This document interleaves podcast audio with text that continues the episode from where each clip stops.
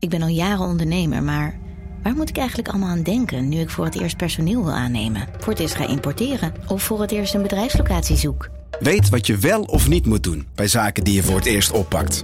Check kvk.nl voor praktische stappenplannen. KVK, hou vast voor ondernemers.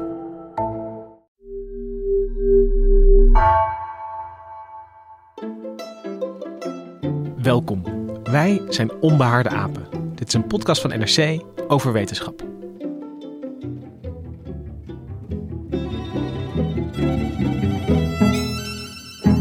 Een terugzettingsoperatie op een geheime plek.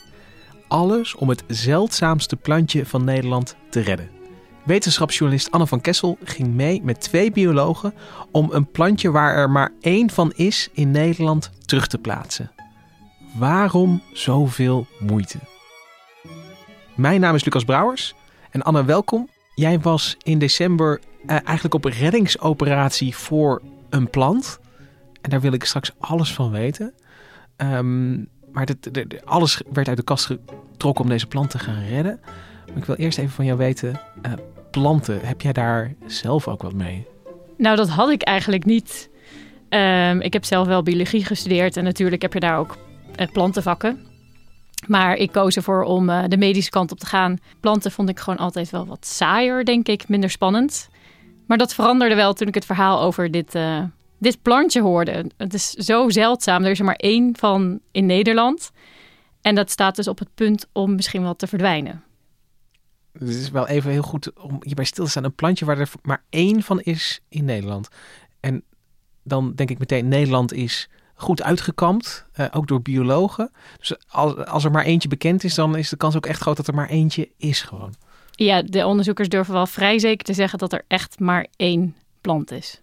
En deze plant helemaal alleen moet dus gered worden. Ja, dat vinden deze biologen wel. En ik kwam er dus ook achter hoe ontzettend groot de liefde voor planten kan zijn. En hoe ver ze dus ook gaan om zo'n soort dan te redden. Oké, hoe kwam dit eenzame plantje op jouw pad? Ja, laten we beginnen bij het begin. Hey Niels. De biologen die eh, de hoofdrol spelen in dit verhaal zijn Niels van Rooyen. Zo, welkom. Dank. Ik stond al even bij ons, ons plantje te kijken. Plantenecoloog aan Wageningen Universiteit. En Joop Schaminee. Hoi, ik ben Joop. Hoi, Joop ik ben Anne. Ja, herken je van gezicht. Hoogleraar vegetatie-ecologie, ook aan Wageningen Universiteit. Eerst een kopje koffie. Graag, ja. Maar dit verhaal begint gek genoeg niet op de Wageningen Universiteit. En ook niet op een open veld waar ze samen onderzoek doen in Ierland of Zuid-Afrika. Maar het begint in het kassencomplex van de Radboud Universiteit in Nijmegen. Waar ze samen een middag op bezoek zijn. We werden door eh, de collectiebeheerder werden we hier een keer rondgeleid. En eh, hij zei, ik laat jullie nu de collectie zien. Een aantal jaar geleden was hier al een botanische collectie. We hebben verschillende botanische, wetenschappelijke botanische collecties in Nederland. En hier in Nijmegen hadden ze de grootste botanische collectie van de knoldragende nachtschades. Knoldragende nachtschades, wat zijn dat? De niet-knoldragende nachtschades.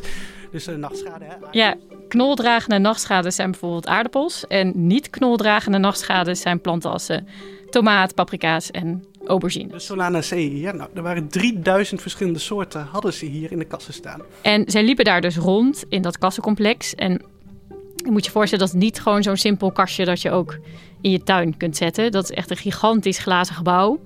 eh, met heel veel verschillende soorten planten, waar ze heel veel experimenten doen. Ehm, die collectiebeheerder die eh, leidde hun dus rond. En die vroeg dus, nou, wil je die collectie zien? En Niels en Joop die waren natuurlijk super benieuwd. Want de grootste collectie ter wereld, dat zie je ook niet zomaar iedere dag. Dus die collectiebeheerder die eh, leidde ze naar een aparte ruimte.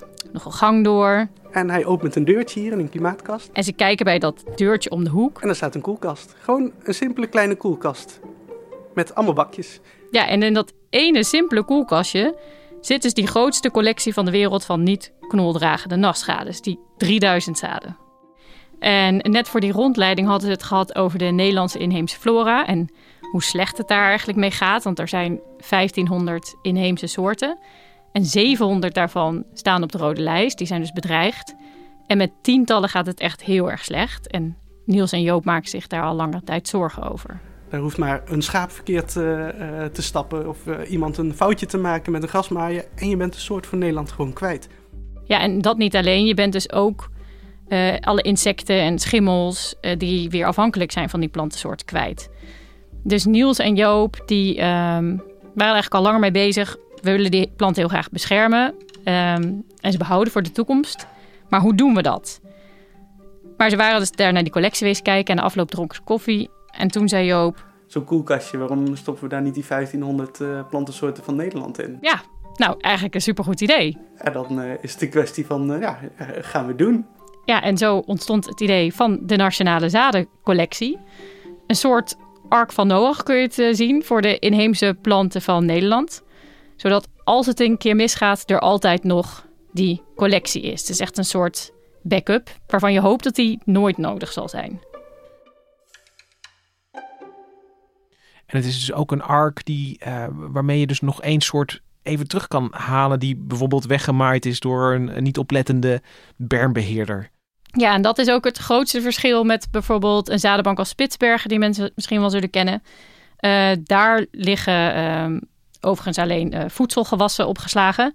Maar daarvan is ook het idee, die blijven daar liggen. Bij deze zadencollectie is het ook echt juist de bedoeling dat ze actief gebruikt worden. Dus als een natuurbeheerder denkt, hey, het gaat slecht met deze soorten, kunnen ze zaden opvragen en die weer uitzaaien.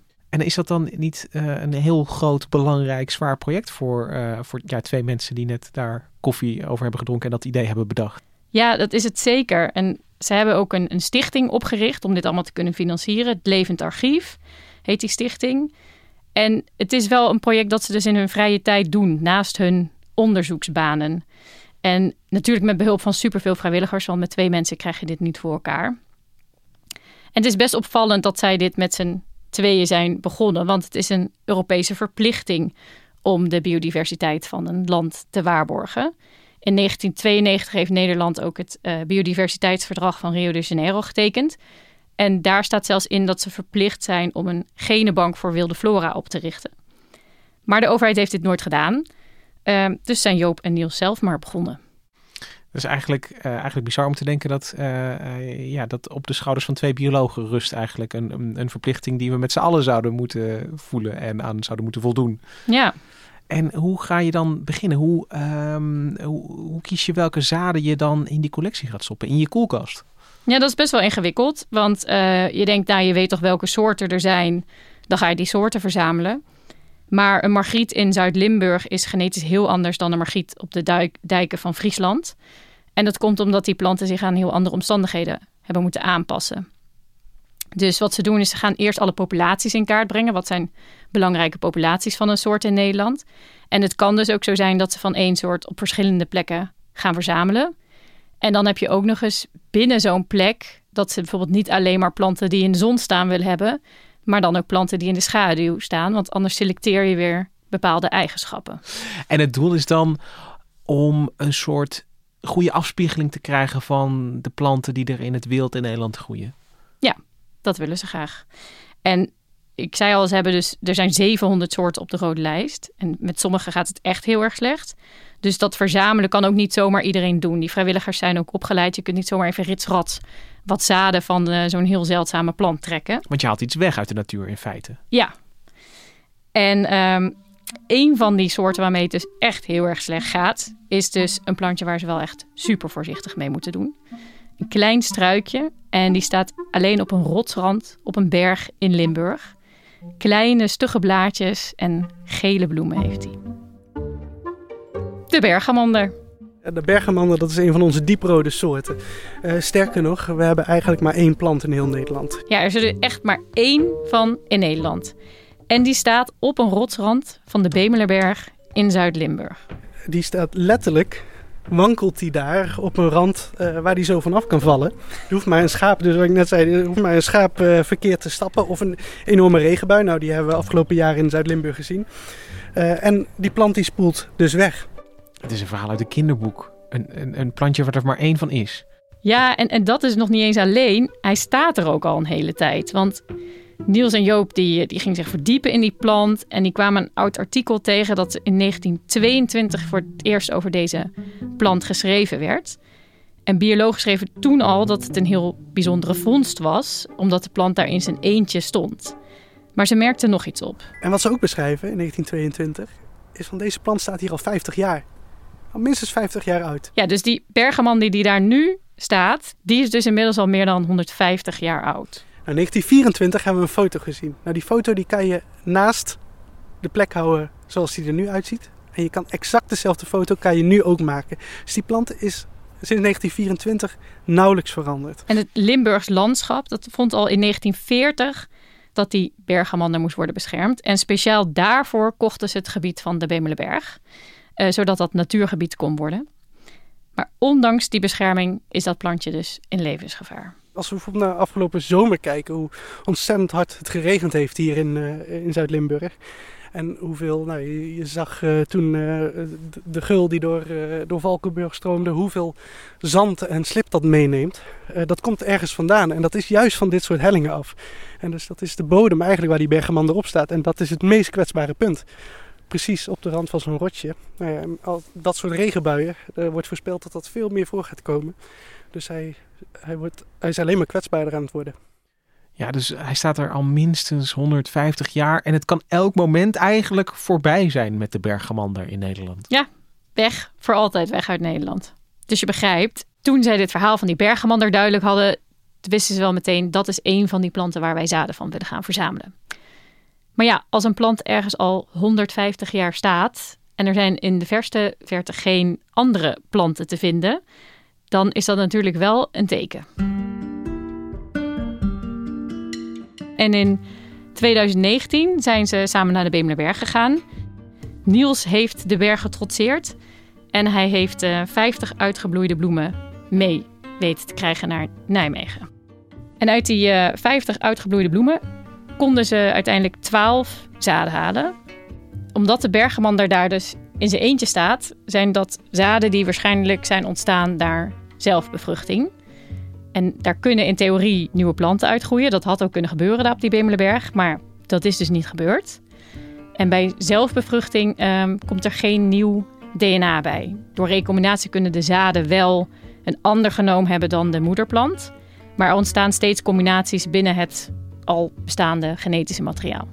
En als je dat heel lang doet, dan, uh, uh, dan versterk je eigenlijk dat zwaktebod steeds meer. En, en wat we weten. Je krijgt wel meer planten, maar ze zijn allemaal hetzelfde. Nou, dat, dat zou je dus denken dat je dan ook meer planten gaat krijgen. Maar zelfs dat is niet gebeurd. Nee, er stond echt alleen die ene plant. En het bleek eenmaal terug in die Nijmeegse kassen ook nog niet zo makkelijk om planten te laten groeien. Want ze hebben die zaden daar in de grond in de kassen gestopt. Maar er gebeurde helemaal niks. En ze hebben ze in, in potgrond gedaan, wat al veel meer voedingsstoffen heeft dan de grond op de Bemelenberg. En ze hebben ze fastfood gegeven, zoals Niels dat noemt. Gespreid bedje zou je zeggen. Die planten hebben het fantastisch voor elkaar, die zaden. Maar ja, geen plant. Dus dan ga je andere dingen proberen. Hè? Dus dan, uh, hoe, hoe krijg je zo'n zaadje dan aan de praat? Ja, uiteindelijk uh, hebben ze maar een hormoonbehandeling gegeven. En heeft dat dan gewerkt, zo'n hormoonbehandeling? Na, ja, na al dat zware geschut gebeurde er wel eindelijk iets. Drie van de twaalf zaadjes begonnen te ontkiemen. En van die drie zaadjes groeiden er twee uit tot een plant. Maar één ging helaas ook alweer vrij snel dood. Maar er is nog één plant over en die... Is uitgegroeid tot een levende plant. Ongelooflijk, wat een kansspel is dit. Van, van al dat werk eindigen ze dus weer met één nieuwe plant. Ja, één levende plant. Maar die ging ook dood. Wat is dit? Dit is een, een, een klein drama, dit. Ja, maar wel een drama met een goed einde. Want gelukkig was er dus iemand geweest en die had net op tijd bedacht: wacht even, één plant, dat is wel heel riskant. Die gaan we stekken. Ja, wat ik van mijn, van mijn moeder dan nog weet, is dat ze dan een klein stukje van een plant afhaalde, een stengel of zo, en dan in de grond. En dan kwamen er toch weer wortels uit. En dan had je eigenlijk ja, een, een, een plant gekloond. Ja, uh, ja, er zijn verschillende manieren om te stekken. Ik weet niet precies hoe je de bergamander moet stekken. Maar um, uiteindelijk hadden ze dus 16 stekjes. En het is wat je zegt, het is dus een kloon. Um, want het is genetisch identiek. En in dit geval heb je dus 16 stekjes die identiek zijn aan de nakomeling van die ene plant uit het wild. Maar als ik heel even eerlijk mag zijn, wat een werk voor één Ja. plant. Nou ja, voor 16 eh, gekloonde plantjes in dit geval. Ja, ja, zeker. Het is ontzettend veel werk. En je kunt je ook afvragen: is één zo'n plant, één zo'n plantensoort het waard om zoveel werk te gaan doen? Waarom? Ja, wat verliezen we als we één zo'n soort laten uitsterven in ons land? Kun je je energie niet beter steken in iets dat meer kans van slagen heeft misschien? En dan heb ik ook aan Niels gevraagd en hij zei dat je die vraag eigenlijk weer moet gaan onderzoeken met andere vragen. Ehm, zoals wat raak je kwijt als je de bergemannen kwijtraakt en hoe erg is dat dan? Heeft dat, dat zijn ook dingen waar hij het wel vaak met collega-wetenschappers over heeft. Hoe ver mag je gaan voor één soort? Maar eigenlijk is er niet echt één eenduidig antwoord op die vraag. En voor Niels en Joop is het redden van die bergamander ook iets symbolisch geworden eigenlijk. Omdat het die ene plant is, heeft zo'n plant ook een ontzettend belangrijke symboolfunctie. Omdat het met die bergemander zo slecht gaat. Dat geeft aan van hey, het gaat slecht met het hele systeem. Ehm, en als, en, en zo'n plant heeft natuurlijk ook gewoon recht om, om te bestaan. Hè? Ja, en omdat het dus de schuld is van mensen dat er soorten verdwijnen, zijn wij ook verplicht om soorten waarmee het zegt, slecht gaat te helpen, vindt Niels. Als het nou puur natuurlijke processen waren waardoor die planten achteruit gaan, ja, dan kan je denken van ja, dit, dit is iets waar wij niks aan kunnen doen. Ehm, en daar hoeven we ons niet mee te bemoeien. Maar we zien juist dat het zo slecht gaat met planten, doordat wij als, als, als maatschappij zijnde eh, zoveel negatieve invloed hebben op, op het natuurlijke bestaan van planten. En dus ook hun, hun, hun, eigenlijk de vrijheid van de planten om te kunnen zijn wie ze zijn. eh, vind ik dat het voor ons een plicht is om, zelfs al is het één individu, om die planten te helpen. En daarom ook die ene bergemander. Ik vind het heel interessant dat eh, Niels het heeft over het recht van de plant om er te zijn. Dat is het, toch het, het toekennen van bestaansrecht letterlijk aan, eh, aan de plant, aan de bergemander in dit geval. Ja, ja, dat doen ze zeker. En eigenlijk ook vanaf het moment dat ze die stekjes hadden, dachten ze ook, ja, nu moeten we hier iets mee. Die, die moeten terug naar de natuur. Dus niet alleen de koelkast in, maar ook terug in het wild. Ja, deels opslaan in de zadencollectie en deels terug naar de natuur. En ja, eigenlijk vanaf dat moment kwam ik erbij in dit verhaal, want Niels vertelde me dit en ik vond het meteen echt ontzettend interessant. Vanwege dat feit natuurlijk dat er maar één plant van was. Ik had me dat nooit zo gerealiseerd dat er de soort zijn waarvan we bewust weten, hé, er is echt maar één plant van in Nederland. En vanwege de enorme hoeveelheid tijd en energie die deze onderzoekers in deze ene plant steken. En ik uh, ben in Nijmegen geweest, eerst om de zadencollectie te bekijken. Inderdaad, gewoon in een koelkastje in het kassencomplex. En uh, ik mocht mee in december met Niels en Joop naar de Bemerleberg om acht stekjes terug te gaan zetten.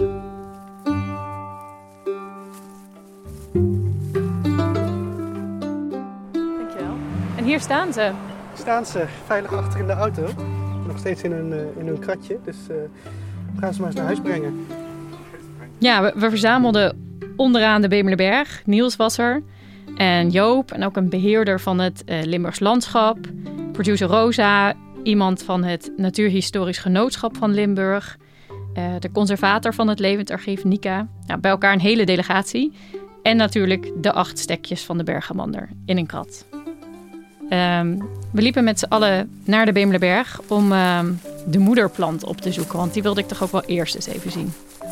Ja, je moet je voorstellen, het is een, een glooiend landschap waar we daar doorheen lopen. Uh, zoals Joop zei, een dalenlandschap, geen berglandschap. En uh, ja, de heuvels die je ziet zijn allemaal bedekt met grassen en struikjes. Er lopen veel uh, schapen rond. Het is een, speciaal ras, het mergellandschaap. En die, die moet daar de boel kort houden. Maar er zitten echt heel steile, rotsachtige delen tussen. Die, die heuvels die zijn van mergelgesteente, ook wel kalk of krijt. En er is vroeger heel veel uitgehakt uit die rotsen om huizen mee te bouwen. En die groeven zijn nu dicht, maar je ziet nog wel heel goed de restanten daarvan. En zoals ik al zei, de Stichting Limburgs Landschap heeft dat ooit dat gebied gekocht om het gebied te kunnen beschermen. En het is dus ook gesloten voor mensen. Wij moesten dus ook met uh, de beheerder mee om erin te kunnen. Um, en dat is niet alleen omdat het beschermd is, maar het kan dus ook best wel gevaarlijk zijn om er rond te lopen. Want er, er vallen gewoon regelmatig nog stukken steen van die rots af. Maar Joop vertelde ons ook even een van zijn vele anekdotes... was dat de helft van de Ma Maastrichtse bevolking in deze groeven is ontstaan. Dus wat dat betreft houden veel mensen zich er nou ook weer niet heel erg aan. Maar goed, we gingen dus op zoek naar die, uh, de moederplant uh, van de bergamander.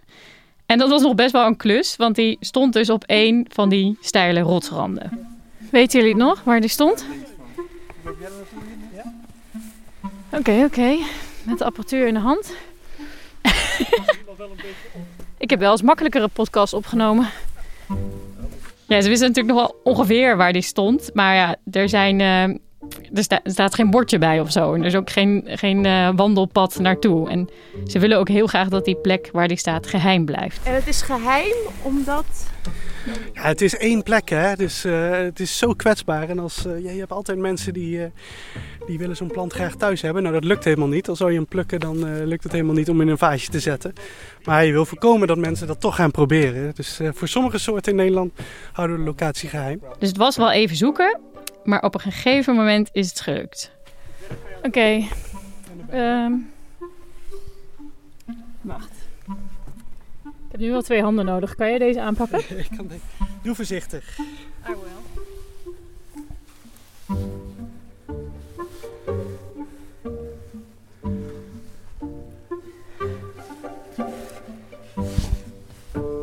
Naar beneden is altijd gevaarlijker, zeggen ze toch? Ja, nou, en naar beneden, dat, uh, dat wordt nog een hele operatie. Hij staat hier bovenaan. Ik moet ook even goed kijken. Goede planten. We staan hier wel echt tegen een rechte helling nu. Ik kan echt ontzettend slecht zien, maar je ziet... Dit is zeg maar de oude pol. Zie jij hem? Nou, ik zie de pol die je aanwijst. Ja. Ik zie nog geen plant. Ja, ik, ik had dus door al die verhalen en door dat zien van die stekjes die met elkaar toch een flinke bak vulden, een wat grotere struik verwacht. We hadden het, deed het over de moederplant. Maar eigenlijk zag ik vooral een heel klein struikje. Een soort groot bosje tijm. Nee, als je goed kijkt, zitten hier echt wel kleine blaadjes boven. Maar als je naar die planten die ik net uit de auto heb gehaald uh, gaat kijken, dat is een heel ander verhaal. Hè? Die zijn toch wel in luxe opgegroeid. Dus die hebben in een uh, volle bak met potgrond gestaan. Heel andere, heel andere situatie. Uh, en deze plant staat hier echt, zoals je ziet, op de rand van, uh, van een rots. Maar wat je ook ziet is dat, hoewel bovengronds heel veel van die blaadjes eigenlijk niet meer te zien zijn, hij laat een deel van de bladeren ook vallen. Ook al blijft hij voornamelijk het jaar groen hoor. Zie je dat hieronder een enorme berg aan wortelmassa zit. Ja, hij, balanceerde dus echt op dat puntje van die rots. En wat Niels zegt, een deel van die plant zat niet meer in de grond. Waarschijnlijk is daar een stuk van die rots een keer weggespoeld. Misschien wel met die hevige regen van vorige zomer. En daar zag je dus al die wortels hangen. En dat was echt wel flinke bos wortels. Want die plant die moet zich natuurlijk goed verankeren in dat rotsrandje. Maar ja, we hadden dus die moederplant gevonden. En uh, ja, toen kwam eigenlijk pas het belangrijkste deel van die, die hele organisatie daar. We moesten die stekjes gaan terugzetten. We zijn weer aan het dalen aan de andere kant van de berg. Waar gaan we nu heen? We gaan de andere kant van die helling bekijken en kijken of we daar goede plekken kunnen kiezen voor uh, die bergwandels tot besluit. Ja, uh, je hoorde daar Joop en die, uh, die zei dus we gaan even naar de andere kant van de helling. We waren op zoek naar een goede plek. En dat was eigenlijk nog niet zo makkelijk, want um, om dat stekje een kans te geven, moet het natuurlijk op een, grond, op een plek op de grond staan waar veel zon komt. het moet rotsachtig zijn en moet genoeg grond hebben voor die wortels. Maar tegelijkertijd mag het ook niet een plek zijn die heel erg afwijkt van die plek van die moederplant. Ze wilde het wel zo natuurlijk mogelijk houden. Uh, dus het mocht ook weer niet te diepe grond zijn. En het moest nog eens een plek zijn die, die niet makkelijk toegankelijk is voor die mergelandschapen. Want die kunnen zo'n plantje opeten of vertrappen. Dus we liepen langs de groeven door die uh, braamstruiken naar beneden. Kijk, als je niet achter een tak blijft haken, Rosa. Ja.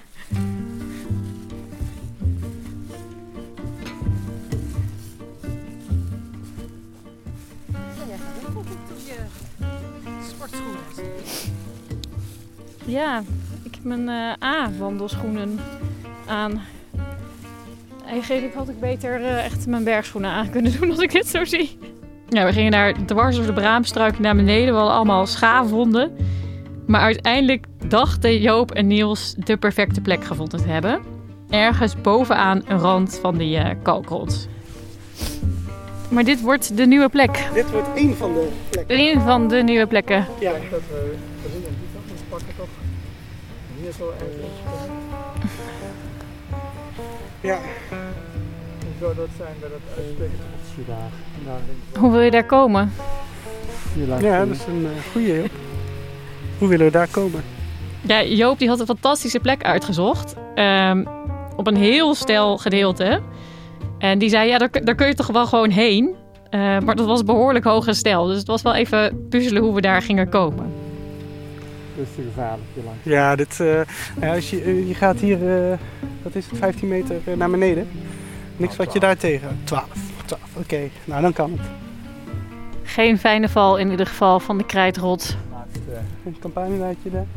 Maar goed, conservator Nika die was heel dapper. Dus die zei meteen, nou, ik ga wel voorop. Ik ga wel kijken. En een beetje geklommen, een beetje geschoven. En uh, na wat overleg heen en weer werd toch echt unaniem gekozen voor de plek. Um, ja, we staan hier eigenlijk op een uitstekend stuk, uh, stuk rots. Joop zit hier helemaal op het, uh, op het puntje. Nika zit op een ander uitstekend stuk rots. Uh, het, is hier, het is een beetje kaal, hè? het is veel minder bodem. Als je achter je kijkt, dan zie je dat op, eigenlijk weer op dat stuurdere stuk dat er veel meer grassen staan. struiken, zuurbes. Heel bijzondere soort hier. Maar dit is wel de plek waar die zou moeten groeien. Hè? Dus hier heb je geen struiken die het kunnen overschaduwen. Je hebt toch wel wat bodem, het is geen kale rots. Mooie plateautjes, dus daar gaan we straks eens een gaatje graven. Maar ik ga eerst naar die rotsrand daar klauteren, waar Nika staat. En kijken of we daar de eerste neer kunnen zetten. Daar ga ik mee. Ja, dat zei ik toen heel dapper, maar het was echt best wel hoog. Kom, het eerste gaan, exemplaar, we gaan. Ja. Ooit. Het was leuk jullie gekend te hebben. Ga maar voorop. Yes. Ja, we, we, klommen dus omhoog langs een heel steil paadje. En bovenaan de rots uh, zei Niels ook, ja, we kunnen hier beter niet gaan staan. Ga maar even zitten. En Niels ging zelfs liggen en die schoof zo op zijn buik steeds verder naar de rand van die rots toe. En hij had een plantje meegenomen en een schepje en uh, hij bekeek de grond. Ja, maar er moet ook vooral wat bodem onder zitten. En als je hier kijkt, hier heb je wel een goede bodem van een paar centimeter. Jo, ben voor deze rand. Hier hebben we bodem. Die is goed. Ga doen. Ja, en Niels lag daar dus en die groef met een schepje in de Ik grond. ga eens kijken. Eerst de schep de grond in. Het is goed vochtig.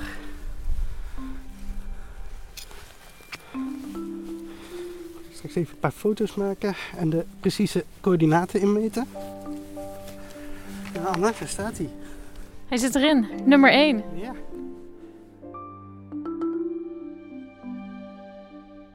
Ja, eh, nummer twee dus uiteindelijk eh, als het gaat voor de bergamander. Want waar tot deze anderhalve eeuw lang maar één plantje uh, stond in Nederland, stonden er vanaf dit moment twee planten in Ja. Nederland. Ja, dat klopt. Dus het was eigenlijk ook best een feestelijk moment. Ik had nooit gedacht dat een plantje in de grond zetten zo'n ontzettend feestelijk kon eh, aanvoelen. Het was ook wel een overwinning dat we daarheen geklommen waren en die, die plant in de grond hadden gezet. En het was eh, bijna winter toen we die planten terugstopten in de grond. De, de grond was hard. Het was heel koud die dag. Er was weinig zon. En ook niet per se omstandigheden waarvan je denkt... hé, hey, dat is nou echt een fijne start voor die bergamander. Maar Niels vertelde toen we naar vroegen... ehm, dat de bergamander eigenlijk een soort winterslaap nu houdt. En dat wanneer hij wakker wordt... die gelijk zijn energie kan stoppen in eh, het groeien van zijn wortels. En de plant was ook slapend. Eh, hij was ook in de kou gehouden voordat hij bovenop de Bemelenberg ging. Hij dacht niet dat het eh, zomer was in die warme kas van hem. Nee, dat is een goed punt. Hij was natuurlijk in het begin stond hij in de kas. En daarna hebben ze hem dus wekenlang laten wennen aan de kou. Dus hij kwam van buiten de kassen. En eh, nou ja, dat, dat eerste stekje stond dus in het wild. En, en die andere stekjes die jullie hadden meegenomen, kregen die ook een plekje daar? Ja, daar hebben we ook allemaal plekjes voor uitgezocht. Het tweede stekje dat kwam er vlak in de buurt op een uitstekende rotsrand. Ja, we zitten ongeveer drie meter onder de originele. Die staat daar bovenop dat, eh, dat randje. Maar die andere stekjes werden flink uit elkaar gezet. Nou, weer een mooi plekje toch? Zeker. De derde kwam in de buurt van de moederplant. Hebben we er weer een. Nummer drie. De vierde, Kijken waar nummer vier. daar, top. Ja, ja. Goed, al die wortels in het kommetje duwen. De vijfde. Ja, ik klauter hier nu op handen en voeten tegen de rotswand op.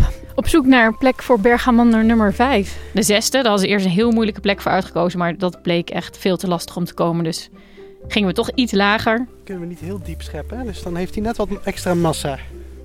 Ja, die is goed. Nummer 7. We gaan hier nog eentje neerzetten, hier aan de andere kant. Mooi kommetje weer. Dat is fijn, want dan spoelt hij iets minder makkelijk weg. En, wat hem dan? De laatste. De laatste van de acht. Maar het is pas begin, hè? Ja, dat zegt Niels goed. Het was natuurlijk pas begin. Het voelde voor ons, het zit erop, we hebben onze missie volbracht. Alle planten zijn thuis. Maar eigenlijk moeten voor die planten moest het natuurlijk allemaal nog beginnen. Want het kon nog veel kouder worden. Het was pas winter moest nog komen. Er kon veel regen vallen, er kon gaan stormen. hebben we gezien. De schapen konden ze vertrappen. En ja, die planten moeten dus eerst deze winter nog overleven. En dan komt de lente nog, waarin ze goed moeten gaan groeien. En dan is het helemaal spannend. Gaat die bloeien?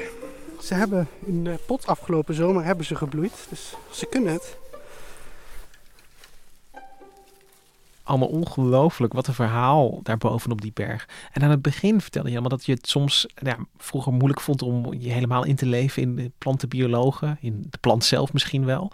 Eh, door deze hele tocht. En eh, vraag ik me toch af, ben je aangestoken door het enthousiasme eh, voor planten? Ja, een beetje wel. En, en wel in het bijzonder ook wel voor de bergamander. Ik ben wel heel nieuwsgierig hoe het nu met de bergamander gaat natuurlijk. Ehm, en ik vind het ook wel heel mooi om te zien hoeveel liefde mensen voor de planten kunnen hebben. En daar heb ik het ook wel met Niels en Joop nog over gehad achteraf. En, en Joop vertelde toen ook een verhaal van een begeleider van hem, uh, hoogleraar Victor Westhoff, beroemd ecoloog. En uh, Joop vertelde dat uh, Westhoff een keer tijdens een college aan zijn studenten vertelde over een zeer zeldzame plant, Welwitschia mirabilis, die hij in het uh, wild tegen was gekomen in de woestijn van Namibië. En hij werd opnieuw helemaal ontroerd toen hij dat verhaal over die plant vertelde. En zelfs zo ontroerd dat hij dus begon te huilen voor een volle collegezaal. En die studenten die begonnen als reactie hard te lachen, want die dachten, wat is dit? Waarom zit iemand te huilen om een plant? En Westhoff werd dus echt woedend. Die legde zijn spullen neer en die liep de zaal uit. Maar het gênante was dat hij um, nog aangesloten was aan zijn microfoon. Dus die studenten hoorden zijn gesnuif en gesnik en die, uh, die begonnen nog harder te lachen. En Westhoff die pakte daarop zijn zakmes, dat had hij altijd in zijn zak. En die snee zo die uh, microfoondraad door. Ongelooflijk. Dus, dus zelfs als je met, met uh, biologie, onder, biologiestudenten bent, dan wordt de liefde voor de plant niet altijd begrepen.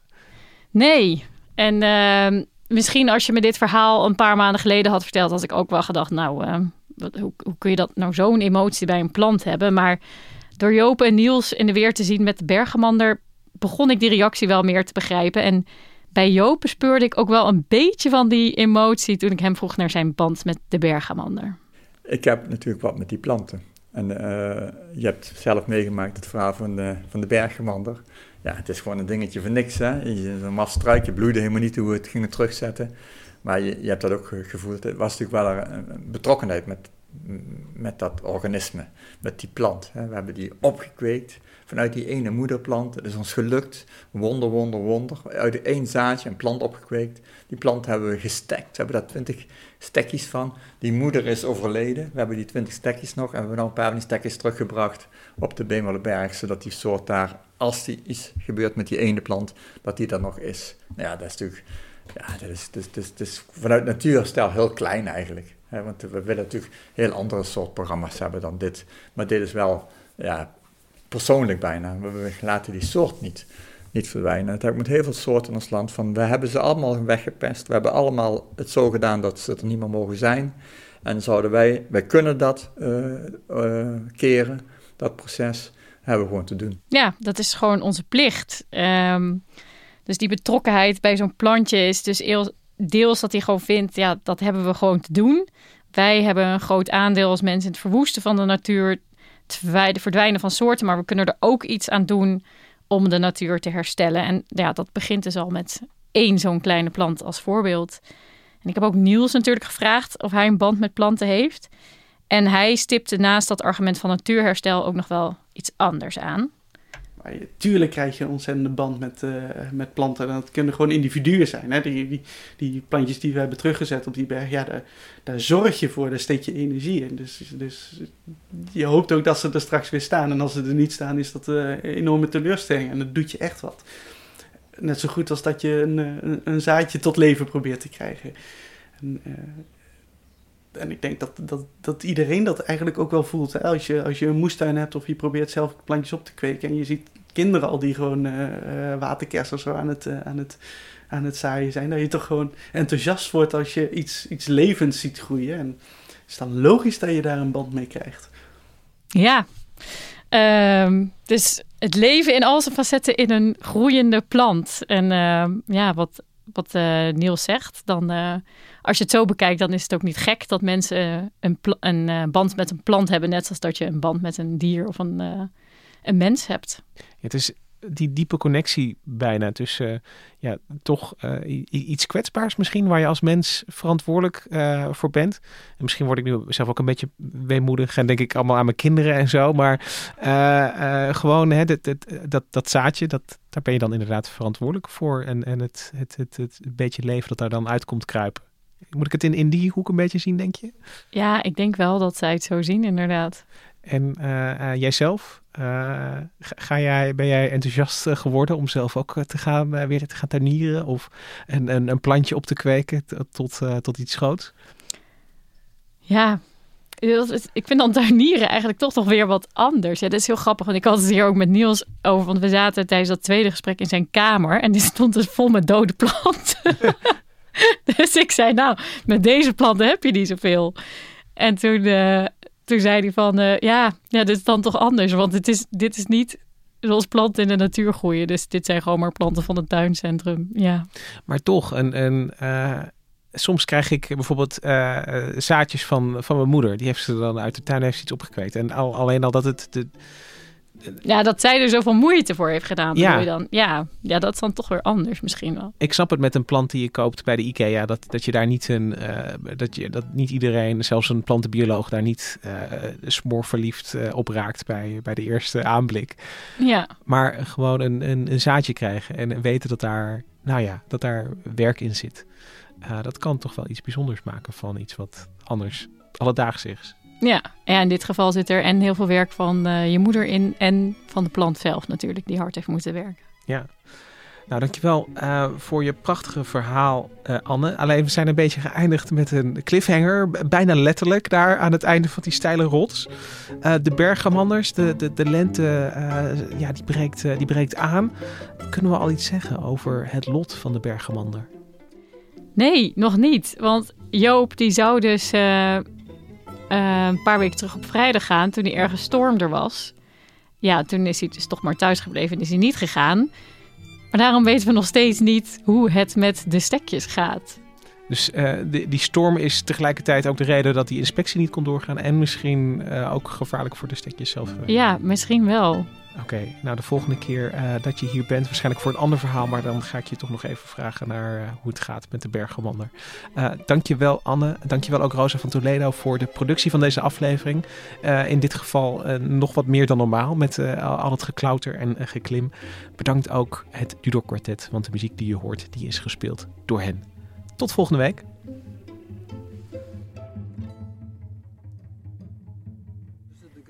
Het zit erop. Het zit erop en het is nu vooral afwachten. En uh, wij hopen dat de plantjes het, uh, het, heel goed gaan doen op de Beemwallenberg. En dat ze hier nog heel lang, net als uh, hun opa, heel lang mogen staan. Technologie lijkt tegenwoordig het antwoord op iedere uitdaging. Bij PwC zien we dit anders. Als we de potentie van technologie willen benutten, kunnen we niet zonder een menselijk perspectief. Human-led, tech-powered noemen we dat. Ga naar pwc.nl.